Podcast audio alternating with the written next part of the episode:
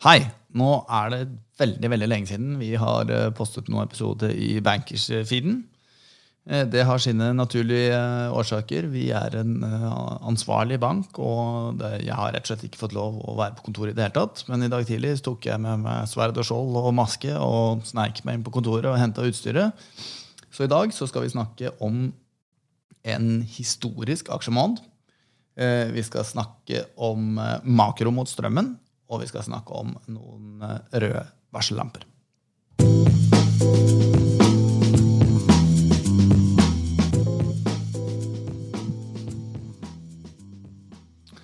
Og med meg så har jeg selvfølgelig vår eh, sjefstrateg Christian Lie fra hovedkontoret på Hamar. Velkommen, Christian.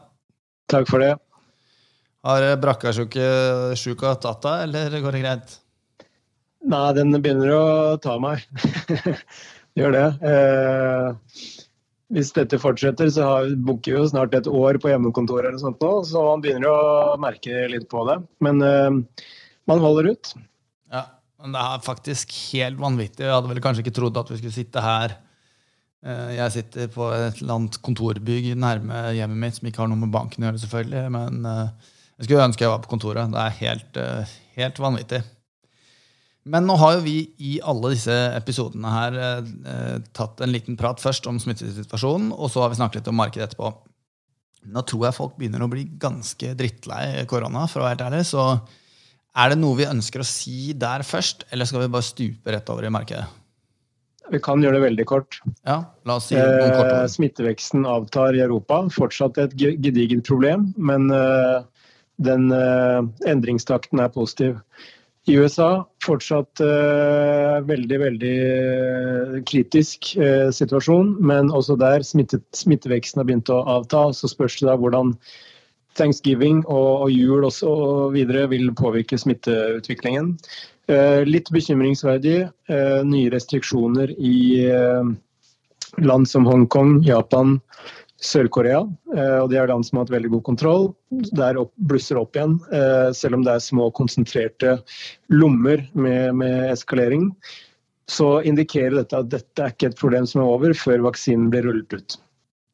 Ja, og for bare å ha historikken i poden her, siden vi har nevnt tallene i mange av de andre episodene jeg bare tenker Første episoden vi hadde om korona, da var det 14 000 smitta på global basis. Nå er vi da i siste dagen i november. Og nå er det 62 940 000 smittet på global basis. Det er 1 462 uh, 1 462 639 mennesker som har mistet livet til eh, covid. og Det trodde vi garantert ikke i januar i fjor. Men det er greit å bare ha med historikken. Men jeg foreslår at vi trøkker trykker videre over til markedet. Christian. Det gjør vi.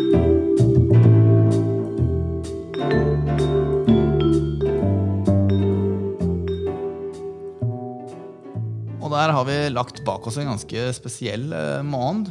Eh, hva er det som har skjedd i november, Christian, og også kanskje mest siste uken? Det har vært en, eh, en, kombinasjon av mange ulike faktorer som har slått til samtidig. Som har bidratt til at november ligger an til å bli en historisk måned med ekstremt høy avkastning, eh, enten det er på Oslo Børs eller for globale aksjer, eller for energisektoren, som er opp 35-36 eh, så langt i november, altså på én måned alene. Eh, emerging markets har gjort det bra. altså Det har vært en, en helt sjuk eh, måned på mange måter. og Hvis jeg skal veldig kort prøve å oppsummere de de eh, positive tingene som har kommet da samtidig, så har vi jo det amerikanske presidentvalget, som nå ser ut til å uh, kunne få en løsning. Uh, Trump sine forsøk på å bekjempe valgresultatet ser ut til å falle i fisk, som man sikkert sier på Vestlandet. Og Det betyr at vi kan få en langt mer stabil politisk situasjon både innenrikspolitisk i USA, men også utenrikspolitisk som kan være veldig veldig positivt. Eh, det andre er jo utnevnelsen av eh, Janet Yellen som, eh, finansminister i USA. Eh, tidligere amerikansk sentralbanksjef. Eh, og hun eh, er kjent som en person som liker å stimulere og ikke er redd for å ta i, når det gjelder. Og det øker sannsynligheten for et tett samarbeid mellom penge- og finanspolitikken. Og hun har selv også uttalt at hun mener finanspolitikken må ta større ansvar. Og når hun da får ansvar for finanspolitikken, så borger jo det for at eh, dette er noe finansmarkedene kan eh, like. Det kanskje viktigste gjennom november har jo vært at vi tre mandager på rad har fått positive vaksinenyheter. Først fra Pfizer og Biontech, så fra Moderna og deretter fra AstraZeneca. Selv om det har vært stilt noen spørsmålstegn rundt eh, de resultatene som AstraZeneca har eh, publisert, så er dette likevel eh, en så voldsomt positiv overraskelse og spesielt med tanke på tidlig utrulling av disse vaksinene. Altså Vi snakker om internasjonal distribusjon nå, som begynner i desember måned. Og Det betyr jo at mange investorer har måttet liksom fremskrive eh, hvor raskt man kan oppnå masseimmunitet eh, som følge av eh, vaksinering. Det vi også har, eh, må, må liksom notere ned, det er jo at selv om mange, inkludert meg og, og vi og mange andre, hadde trodd at denne covid-oppblussingen skulle eh, føre til en ganske markant ny brems i verdensøkonomien, spesielt da Europa og til dels USA, så har egentlig makrobildet vært overraskende sterkt. Og Eksempelvis i dag tidlig så fikk vi PMI-tall fra Kina, hvor industriaktiviteten var på høyeste nivå på tre år. Og vi fikk høyeste aktivitet i servicesektoren i Kina på åtte år. Vi har fått uh, mange gode tall fra europeisk industri, til tross for oppbremsingen i servicesektoren.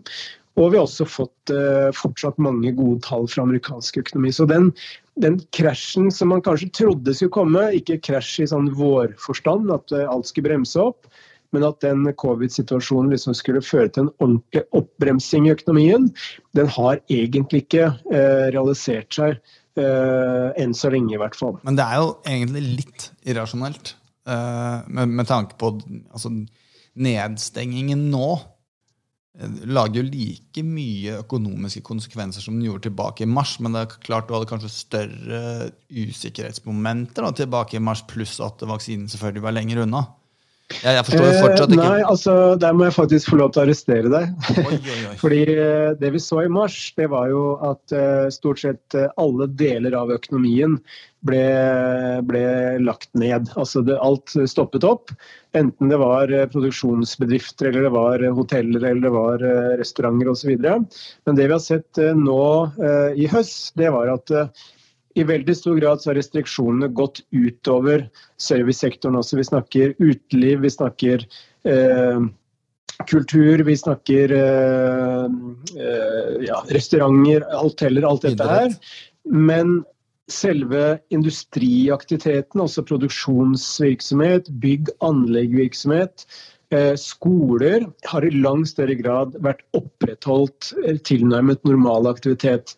Fordi i industrien, altså du kan tenke deg i en produksjonsvirksomhet, så er det lettere for arbeidsgiverne å opprettholde en god smittevernpolitikk enn det det er i, i servicesektoren, hvor folk er avhengig av å være tett på hverandre.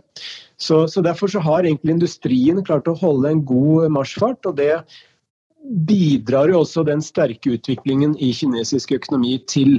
Fordi det gir jo en positiv impuls til både Europa og USA når eh, etterspørselen i, kinesisk økonomi er såpass uh, bra. Og det der visste jeg selvfølgelig, Kristian. Det var egentlig bare en sånn blue color test for å sjekke om du, uh, om du fortsatt liksom hadde Hamar i blodet ditt, selv om du jobber som strateg for Danske Bank.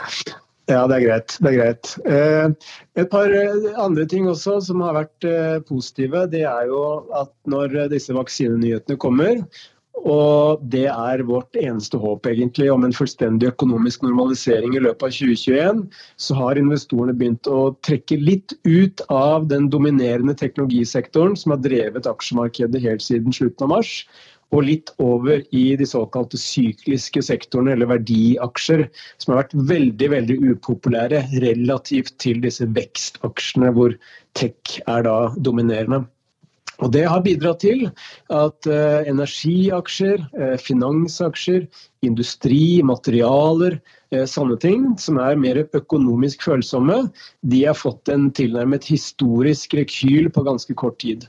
Og Det betyr at aksjemarkedet har fått flere ben å stå på. Det er ikke sånn at man bare skal ha teknologi, men det er flere sektorer som nå får økt interesse fra investorene. og det gir en bedre markedsbalanse på sett og vis også i, i aksjemarkedet. Men, men... Og Det siste jeg vil trekke frem, er også at det har vært eh, en voldsom interesse fra ikke bare profesjonelle investorer som har økt aksjeallokering og senket kontantnivåer osv. i porteføljene sine, men det har også vært en voldsom interesse fra private investorer. og Det ser vi bl.a. gjennom eh, de siste tre-fire ukene nå. Så har vi aldri noen gang hatt en større eh, netto tegning i aksjefond eh, globalt. Og Det betyr jo at eh, de som har sittet litt på gjerdet kanskje etter valget eller rundt covid-19 eh, og vært litt usikre, de begynner nå å bevege pengene sine inn i aksjemarkedet igjen. Ok, Da må jeg stille deg et uh, todelsspørsmål. For det første, uh, vil du si at det er vaksinenyheter som har vært den største markedsdriveren i denne måneden her? Og Spørsmål nummer to, ettersom vi nå har henta igjen så å si alt det tapte fra mars, i hvert fall, uh, hvor langt kan vi strekke den strikken her, og hvilke røde varsellamper hadde vi? Det er faktisk tre spørsmål. Ja, det var tre. Eh, og da er jeg så glemsk at jeg husker nesten ikke det første. Det første spørsmålet var om vaksinenyheter ja, ja. var den største markedsdriveren. Det var tulla. Har selvsagt klisterhjerne. Ja, ja. Men eh, det, det, det, jeg vil si, det er jo at eh, når det, gjelder, eh, når det gjelder eh, vaksinene, så har nok det vært den viktigste katalysatoren for at vi har fått en ny rekyl eh, i aksjemarkedet og risikoviljen generelt. Dette gjelder jo ikke bare aksjemarkedet, men det gjelder også kredittmarkedene osv. Men jeg vil si at det har vært mye penger på sidelinjen her, fordi mange har vært usikre relatert til valget og viruset. Og vi har hatt opp oppimot 5000 milliarder dollar plassert i amerikanske pengemarkedsfond. Bare for å nevne amerikanske pengemarkedet, så er jo det eh, mye, mye mer enn normalt. Og Det indikerer at mange har vært forsiktige med pengeplasseringene sine. Eh, nå er de volumene på vei eh, ned, og de vaksinenyhetene har definitivt vært det som gjør at investorene får håp om at 2021 kan bli virkelig bra. Ok. Det, det var bra. Det var første. Det var det første. Eh, det andre, eller hvis vi tar det tredje, da, når det gjelder om strikken er hvor langt den kan strekkes, så er det selvsagt alltid 1000 kroners spørsmålet. Men med bakgrunn i alle de positive nyhetene som vi har nå, Eh, og da tenker jeg på at makrobildet holder seg langt sterkere enn det som man har ventet. Man ser at vaksinene er i ferd med å rulles ut i desember.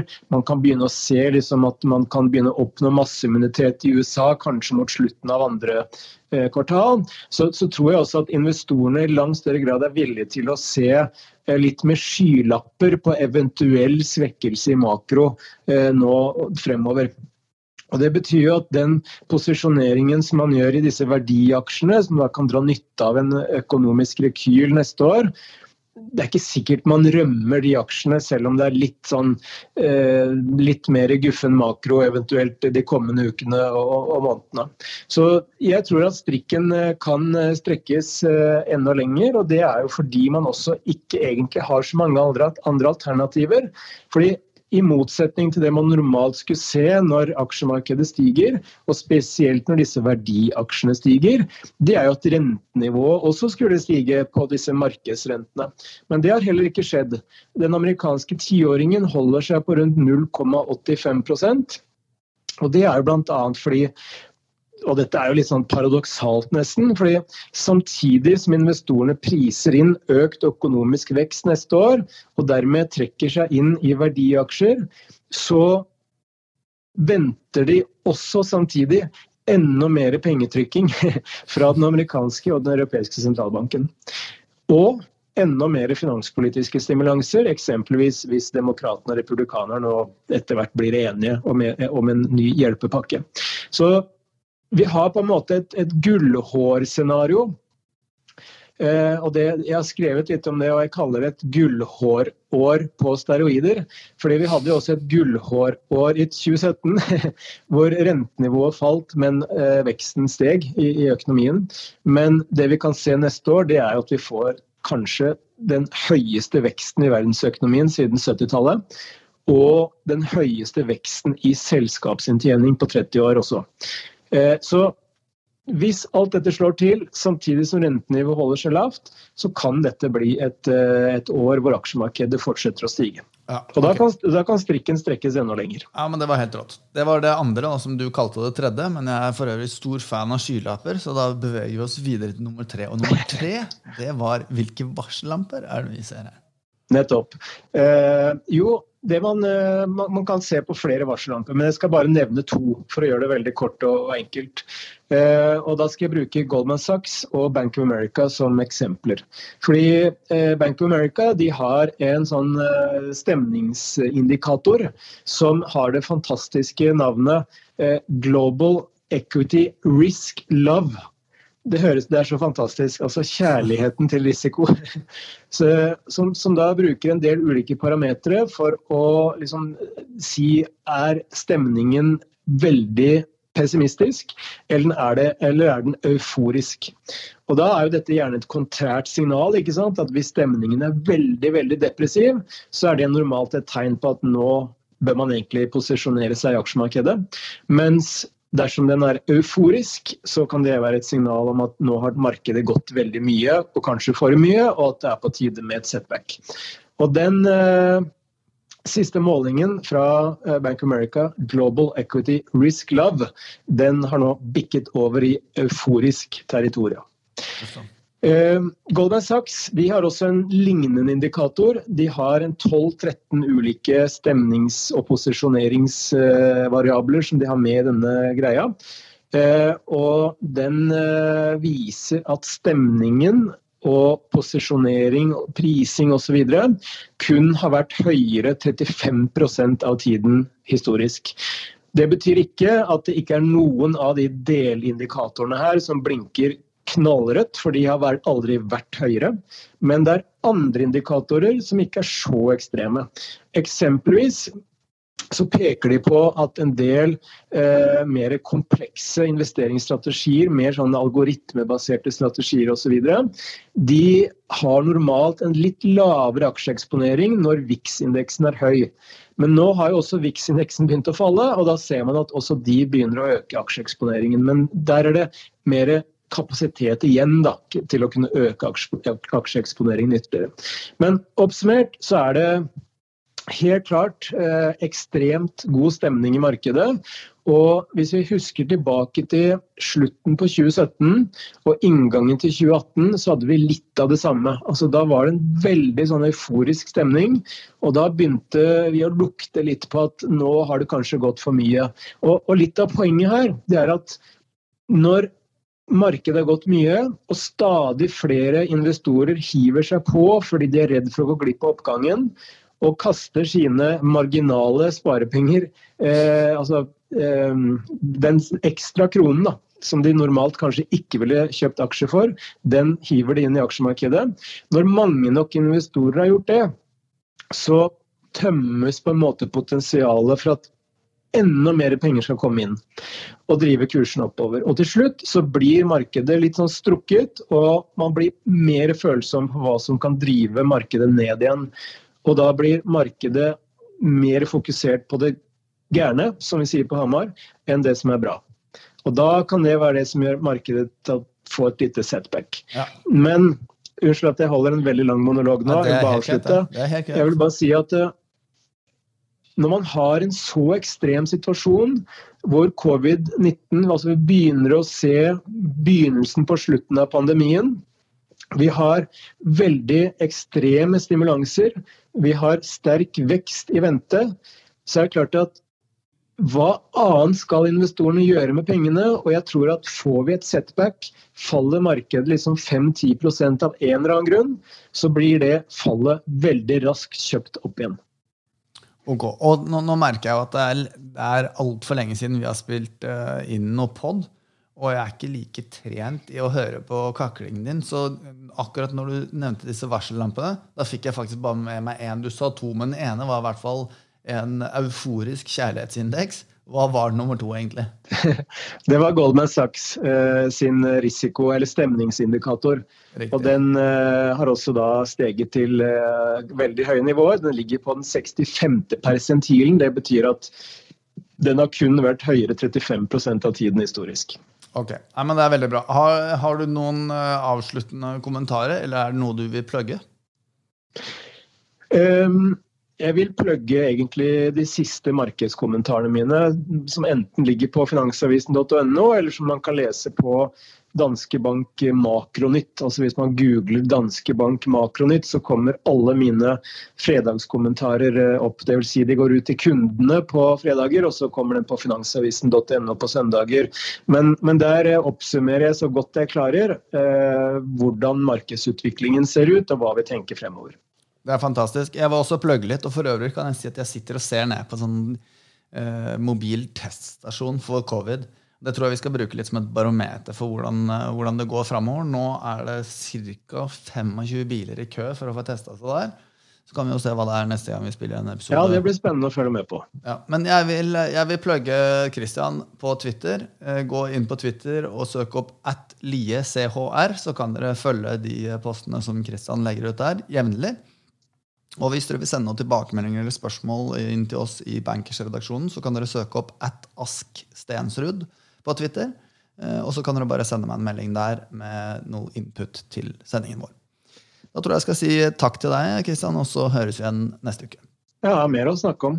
Det er veldig bra. Ikke i dag? Jo. Har du mer å snakke om? veldig kort. Hva er de største risikofaktorene for 2021? Veldig, veldig kort. Det ene er eh, vekst og vaksineskuffelser. Det andre er inflasjon og renteoppgang. Det tredje er en blå bølge i USA. Hvis demokratene vinner begge eh, senatsetene i, i, i valget 5.1, så får vi en blå bølge. Det kan gjøre investorene redd for skatteøkninger. Den fjerde risikofaktoren det vil jeg si er en ny finansboble i 2021. Ok, Så øh, blå overraskelse fra USA, vekstoverraskelser, øh, vaksine, negative vaksineoverraskelser. Og det siste, som du sa var jo... Renteoppgang er jo kanskje den viktigste. Altså Hvis rentene stiger for mye, så er det kanskje den viktigste risikofaktoren av alle. Mm. Eh, og den siste var egentlig at vi får en, en så ekstrem etterspørsel etter risikable aktiva at vi får en ny boble. Ja, uff da. Men jeg skjønner Men det, er jo moro, er jo moro så lenge det varer. Ja da, jeg, jeg, skjønner jo at eh, du er litt lei av å snakke med kona di, Christian. Jeg lover deg at vi skal, eh, vi skal prøve å være stedige med episoden her nå, så at du får en sjanse til å skravle litt ordentlig. Herlig. Men da høres vi igjen om en uke. Kristian. Det gjør vi. Ha det. Det er lenge til. ha det.